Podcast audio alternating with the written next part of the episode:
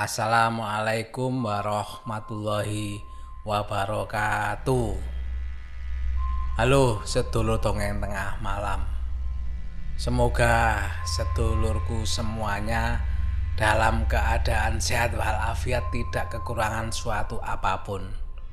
Dan kalau memang ada yang lagi sakit, semoga Allah Subhanahu wa taala segera memberikan kesembuhan dan menghilangkan segala penyakitnya.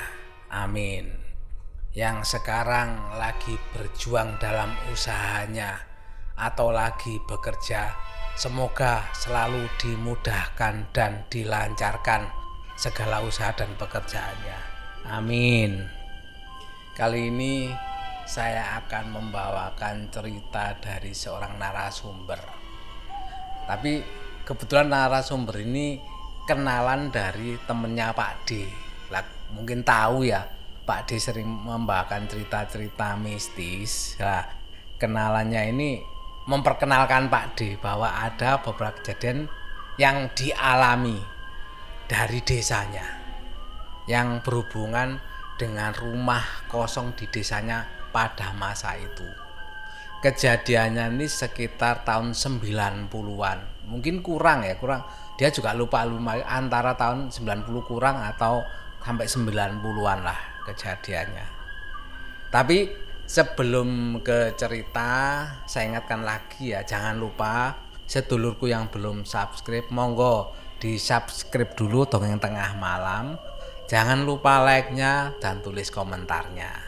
Yang di Spotify, jangan lupa follow ya dongeng tengah malam supaya tetap bisa mengikuti cerita terbaru dari Pak D. Alvan.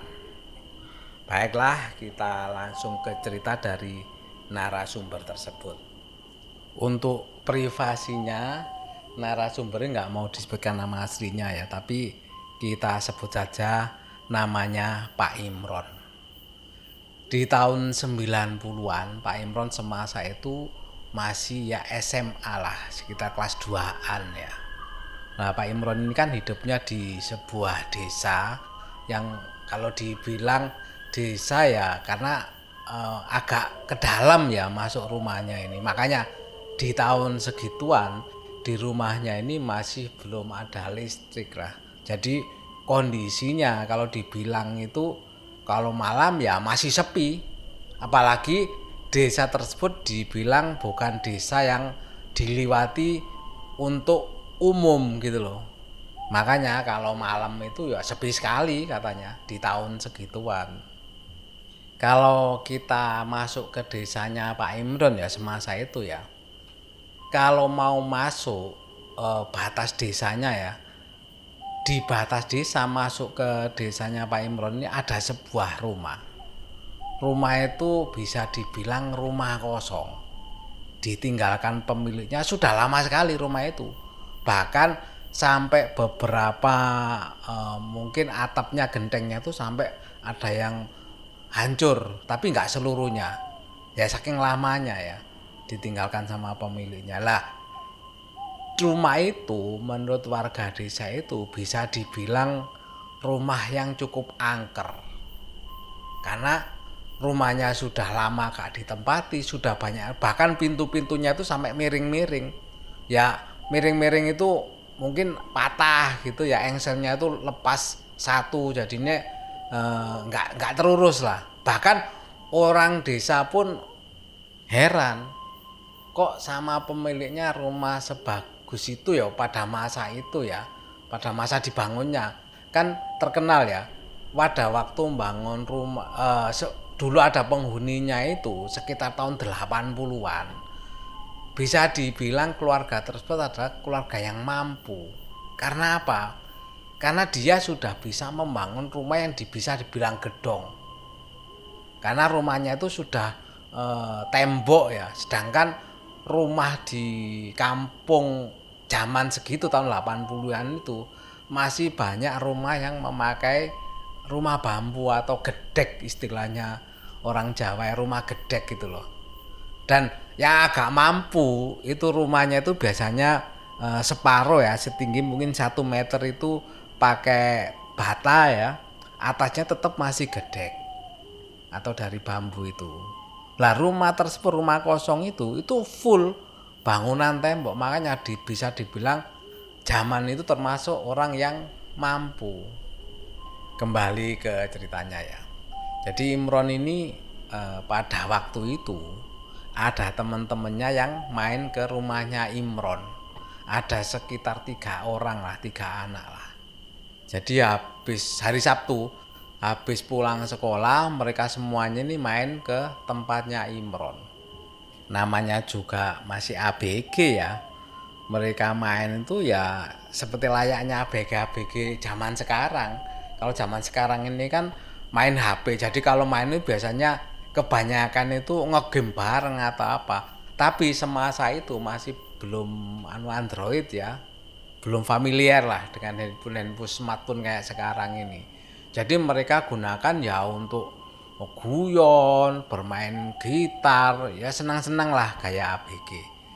Nggak terasa sampai habis maghrib mereka masih bu, belum pulang karena sudah malam akhirnya orang tuanya Imron ini kan juga ngasih makan malam ke mereka. Jadi mereka mau pulang ditahan duda makan malam dulu baru pulang. Setelah makan semuanya akhirnya kan mereka mau pamitan pulang. Waktu itu sekitar habis sisa katanya Imron ini. Mereka ini bersiap-siap pulang. Tapi sebelum pulang Imron ini berpesan kepada teman-temannya ini kalau pulang sebaiknya kamu muter aja lah. Jangan pulang lewat pada waktu e, masuk ke rumahnya Imron tadi. Lah kalau muter pulang itu itu kan lewatnya nah, kalau mau ke jalan raya itu dari rumah Imron ini kan ke arah timur. Tetapi kalau mau deket memang ke arah timur tadi. Dan itu adalah melewati rumah kosong yang diceritakan ya, di awal tadi. Imron sempat berpesan sama teman-temannya. Walaupun mereka naik motor ya waktu itu ya. Imron bilang, sebaiknya kamu muter aja lah. Jangan lewat sana. Karena apa? Kalau habis sisa, orang-orang e, desanya Imron katanya, kalau mau lewat sana itu menghindari. Sebaiknya gak usah lewat sana, muter aja. Jadi lewat selatan, dari selatan nanti ke timur jadi lewat desa sebelah dasar ABG ya. Tiga temannya ini begitu dibilangi Imron ini selengean namanya anak ABG dibilang lah Imron ini penakut lah apa? Dan memang katanya Imron temennya ini memang orang yang termasuk selengean. Dalam selengean itu kalau guyon apa-apa itu suka keterlaluan. Karena nggak bisa dibilangin sama Imron dan mereka tetap memilih jalur yang lebih dekat yaitu jalan arah timur. Ya Imron ya bilang ya sudah kalau kamu mau lewat e, jalur cepat itu untuk ke jalan raya tolong ya jangan selengean katanya Imron gitu. Ya udah jangan lurus saja jangan lupa doa.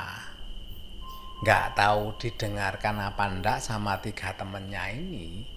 Akhirnya mereka pamit pulang bawa dua motor waktu itu.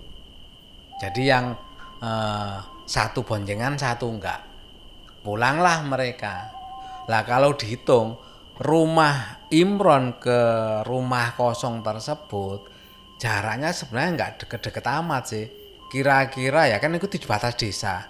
Rumah Imron di tengah-tengah desa memang jaraknya mungkin ya 500 sampai 700 meter lah e, kalau keluar kampung. Jadi setelah rumah itu habis kira-kira kalau rumah kosong itu ya dari rumah terakhir desa itu jarak mungkin 100 meter itu melewati rumah kosong baru batas desa.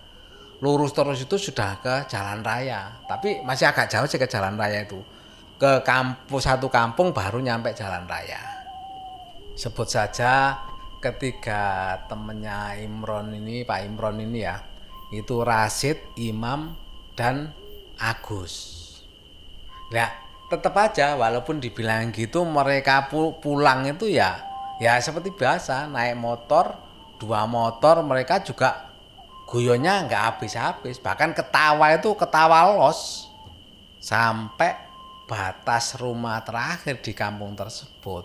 Itu kan sudah mulai sepi istilahnya tuang jadi nggak ada rumah lagi. Yang ada itu ada area perkebunan area kebun lah kebun yang kalau sawah kan bisa ditanam jadi itu kebun gitu loh. Ya ada tanamannya mangga dan sebagainya. Lah sebelum melewati rumah kosong tersebut mereka itu masih nggak sadar gitu loh.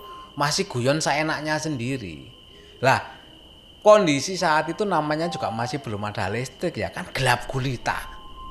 Bahkan mereka itu di, bisa dibilang guyonannya keteram malah guyonan itu guyonan yang yang menyebut-nyebut wah itu ada apa? Menakut-nakuti sesama temennya itu loh. Tapi dasar ketiganya kebetulan anak selengean semua itu jadi bahan guyonan menurut mereka.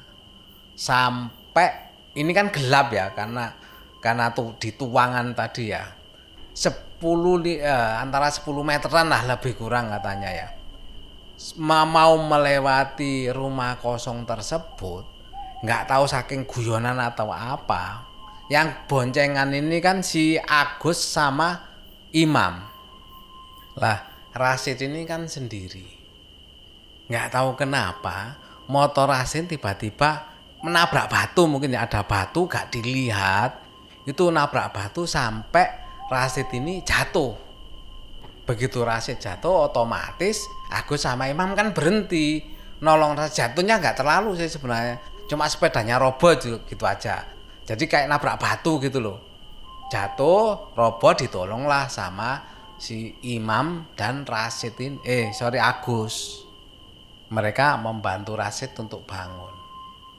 Lah setelah bangun semua, otomatis kan mereka mau uh, dilihat kan nggak apa-apa ya kondisinya juga nggak apa-apa cuma jatuhnya uh, bisa tertahan cuma sepedanya roboh gitu aja setelah bangun semua otomatis mereka kan mau berangkat lagi. Lah pas mau berangkat lagi ini karena motornya Rasid kan habis jatuh. Begitu di starter itu ternyata nggak bisa nyala. Nggak tahu mungkin bensinnya apa karena robot tadi ya mungkin penuh di kabilatornya mungkin ya. Kalau sepeda zaman dulu kan nggak kayak sepeda zaman sekarang ya. Kan pakai kabilator biasanya habis jatuh itu mungkin kepenuh makanya nah, susah nyala. Sampai dicoba beberapa kali itu nggak nyala nyala motornya itu. Karena nyap capek nyetater ya nggak nyala nyala mereka bertiga udah berhenti aja dulu katanya Agus. Coba dibiarin sebentar sebentar lagi barangkali bisa nyala datar ya sudah.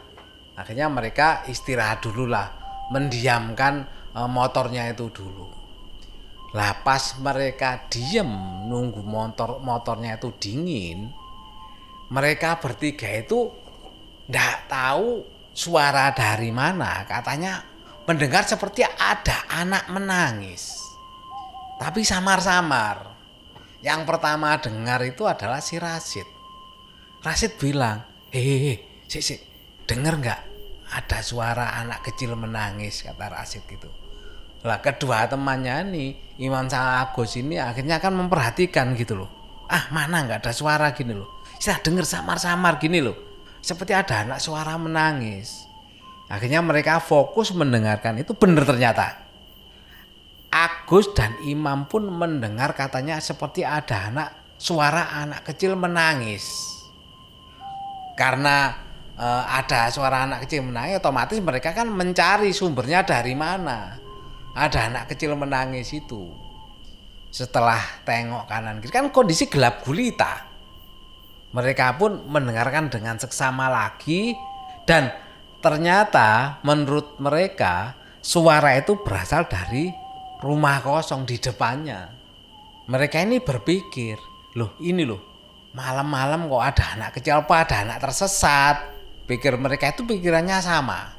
Dan mereka lupa yang dipesankan sama si Imron sebelum pulang ya karena maklum selengean nggak mendengarkan apa yang dikatakan temennya Imron tadi karena penasaran mereka pun akhirnya menuntun motornya yang nggak bisa starter tadi mendekati suara arah tangisan e, anak kecil tadi Kan kasihan kata mereka.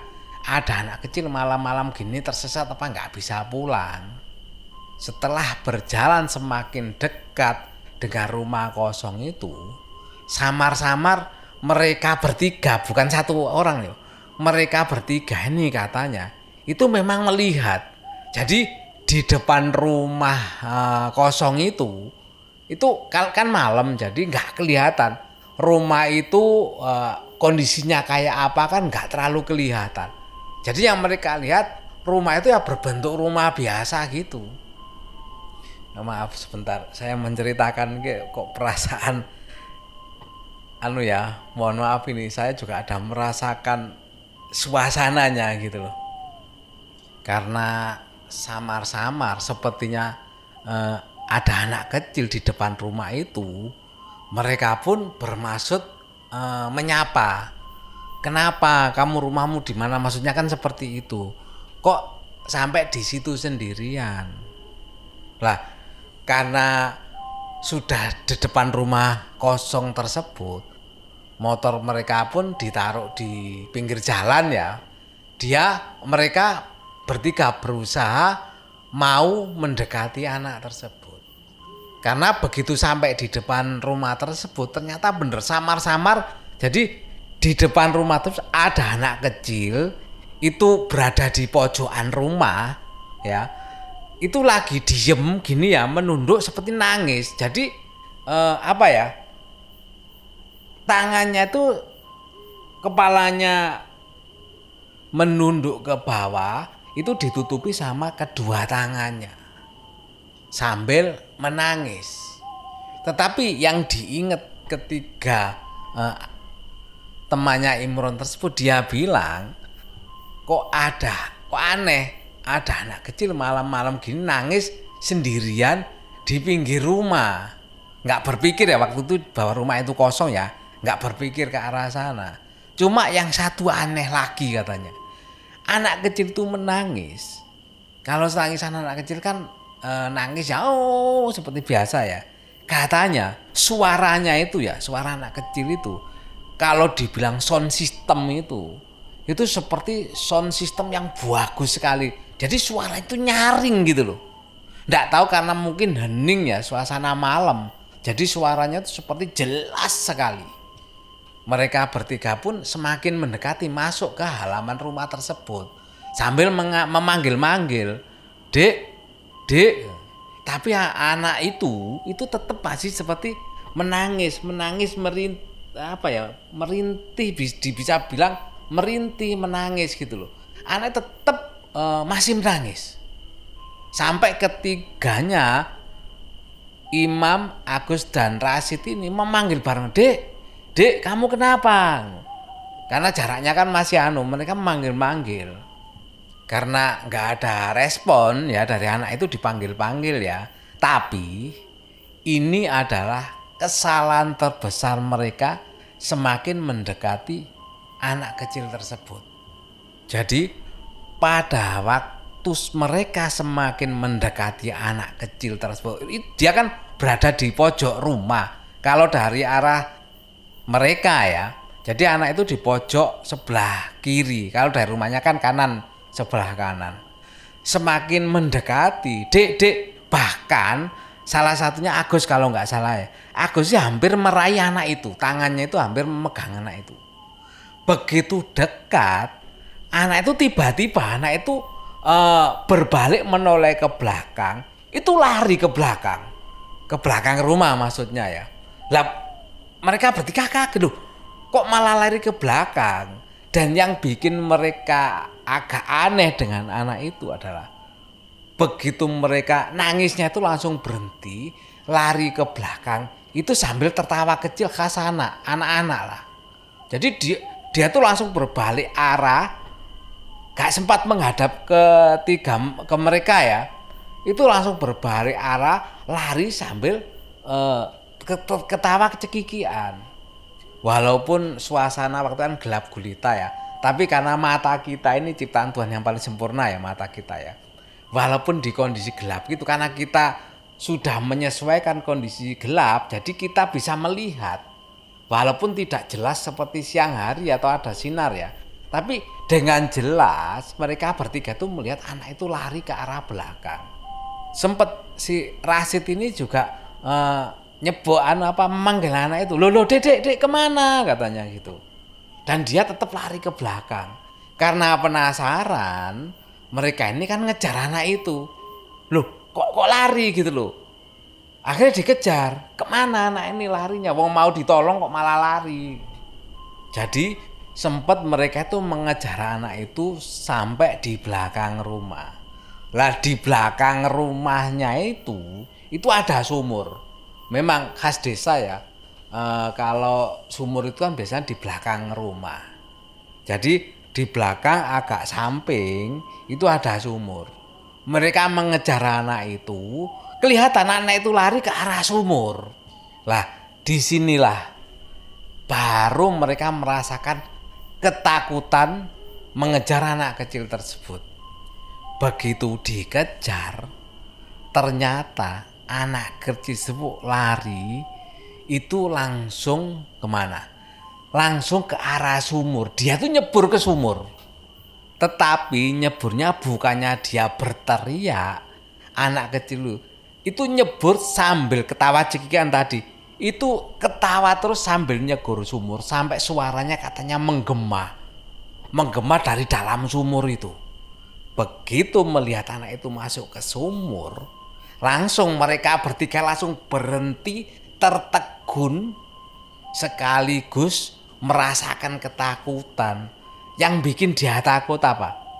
Sudah nyebur ke sumur, itu masih tetap tertawa suaranya menggema itu yang katanya membuat mereka tuh bener-bener merinding bulu kuduk mereka tuh sampai berdiri semua bertiga ini setelah mereka bertiga berdiri tertegun ya kalau dibilang jarak ya jarak mereka berdiri dengan sumur kira-kira sekitar 2 sampai 3 meter lah. Jadi jelas sekali. Jelas sekali dia melihat anak itu kalau masuk ke sumur. Mereka nggak bisa berkata apa-apa, saling pandang-pandangan mereka bertiga itu. Dan jurus andalan terakhir adalah langsung kabur lari ke depan dengan sekuat tenaga mereka. Bahkan sempat mereka sampai tabrak-tabrakan. Saking takutnya ketika uh, pemuda tersebut temannya Pak Imron ini ya. Dan mereka langsung ke arah sepedanya mereka sampai namanya jangankan uh, bilang anu ya nyetater sepedanya itu dua-duanya sampai nggak bisa menyetater sepedanya. Sebenarnya kalau saya bilang sih bukan nggak bisa. Karena panik nggak tahu kuncinya sudah di on apa enggak ya saking apa ya saking tergopoh-gopohnya mereka gitu. Sampai akhirnya bukannya anu mereka lari menuntun sepedanya. Sampai ke desa itu kan batas desa mas ya. Sampai ke desa sebelah baru ada rumah-rumah penduduk. Walaupun eh, penerangan juga nggak ada ya kan belum ada listrik ya. Tapi lumayan masih ada rumah penduduk yang masih ada lampu eh, minyaknya. Makanya mereka berhenti di situ sambil ngos-ngosan. Dan baru percaya dan yang dipesankan eh, Pak Imron tadi ke mereka. Mereka baru percaya setelah mengalami kejadian tersebut. Itu tadi cerita dari Pak Imron ya mengenai ketiga temennya yang awalnya nggak percaya akhirnya mengalami sendiri kejadian tersebut. Dan Pak Imron juga menceritakan sebenarnya bukan itu aja kejadiannya. Masih ada kejadian lain, lain yang berhubungan dengan rumah kosong tersebut. Nanti di next cerita ya saya ceritakan. Bahkan Pak Imron juga menceritakan eh, dia juga dapat tahu dari orang-orang dulu ya asal usul dari rumah tersebut kok sampai ditinggalkan sama pemiliknya dan juga uh, akan diceritain kejadian lain selain yang dialami teman-temannya tadi. Nanti di next cerita ya. Ini saya kasih judul rumah kosong saja. Rumah kosong nanti ada next cerita rumah kosong lagi kedua dan seterusnya. Terima kasih uh, sedulur dongeng tengah malam semuanya yang selalu setia mendengarkan cerita dari Pak D. Oh iya, untuk yang mau berbagi cerita di dongeng tengah malam bisa melalui emailnya dongeng tengah malam ya emailnya dongeng tengah malam at gmail.com Monggo yang mau berbagi cerita dan nanti diceritakan sama Pak dikirim lewat email tersebut. Sebelum saya akhiri, saya ingatkan lagi ya, sedulurku semuanya yang belum subscribe, monggo di subscribe dulu dongeng tengah malam dan yang di Spotify, monggo follow dulu dongeng tengah malam supaya tetap bisa mengikuti cerita terbaru dari dongeng tengah malam. Sekali lagi terima kasih kepada sedulurku semuanya dan saya akhiri wassalamualaikum warahmatullahi wabarakatuh.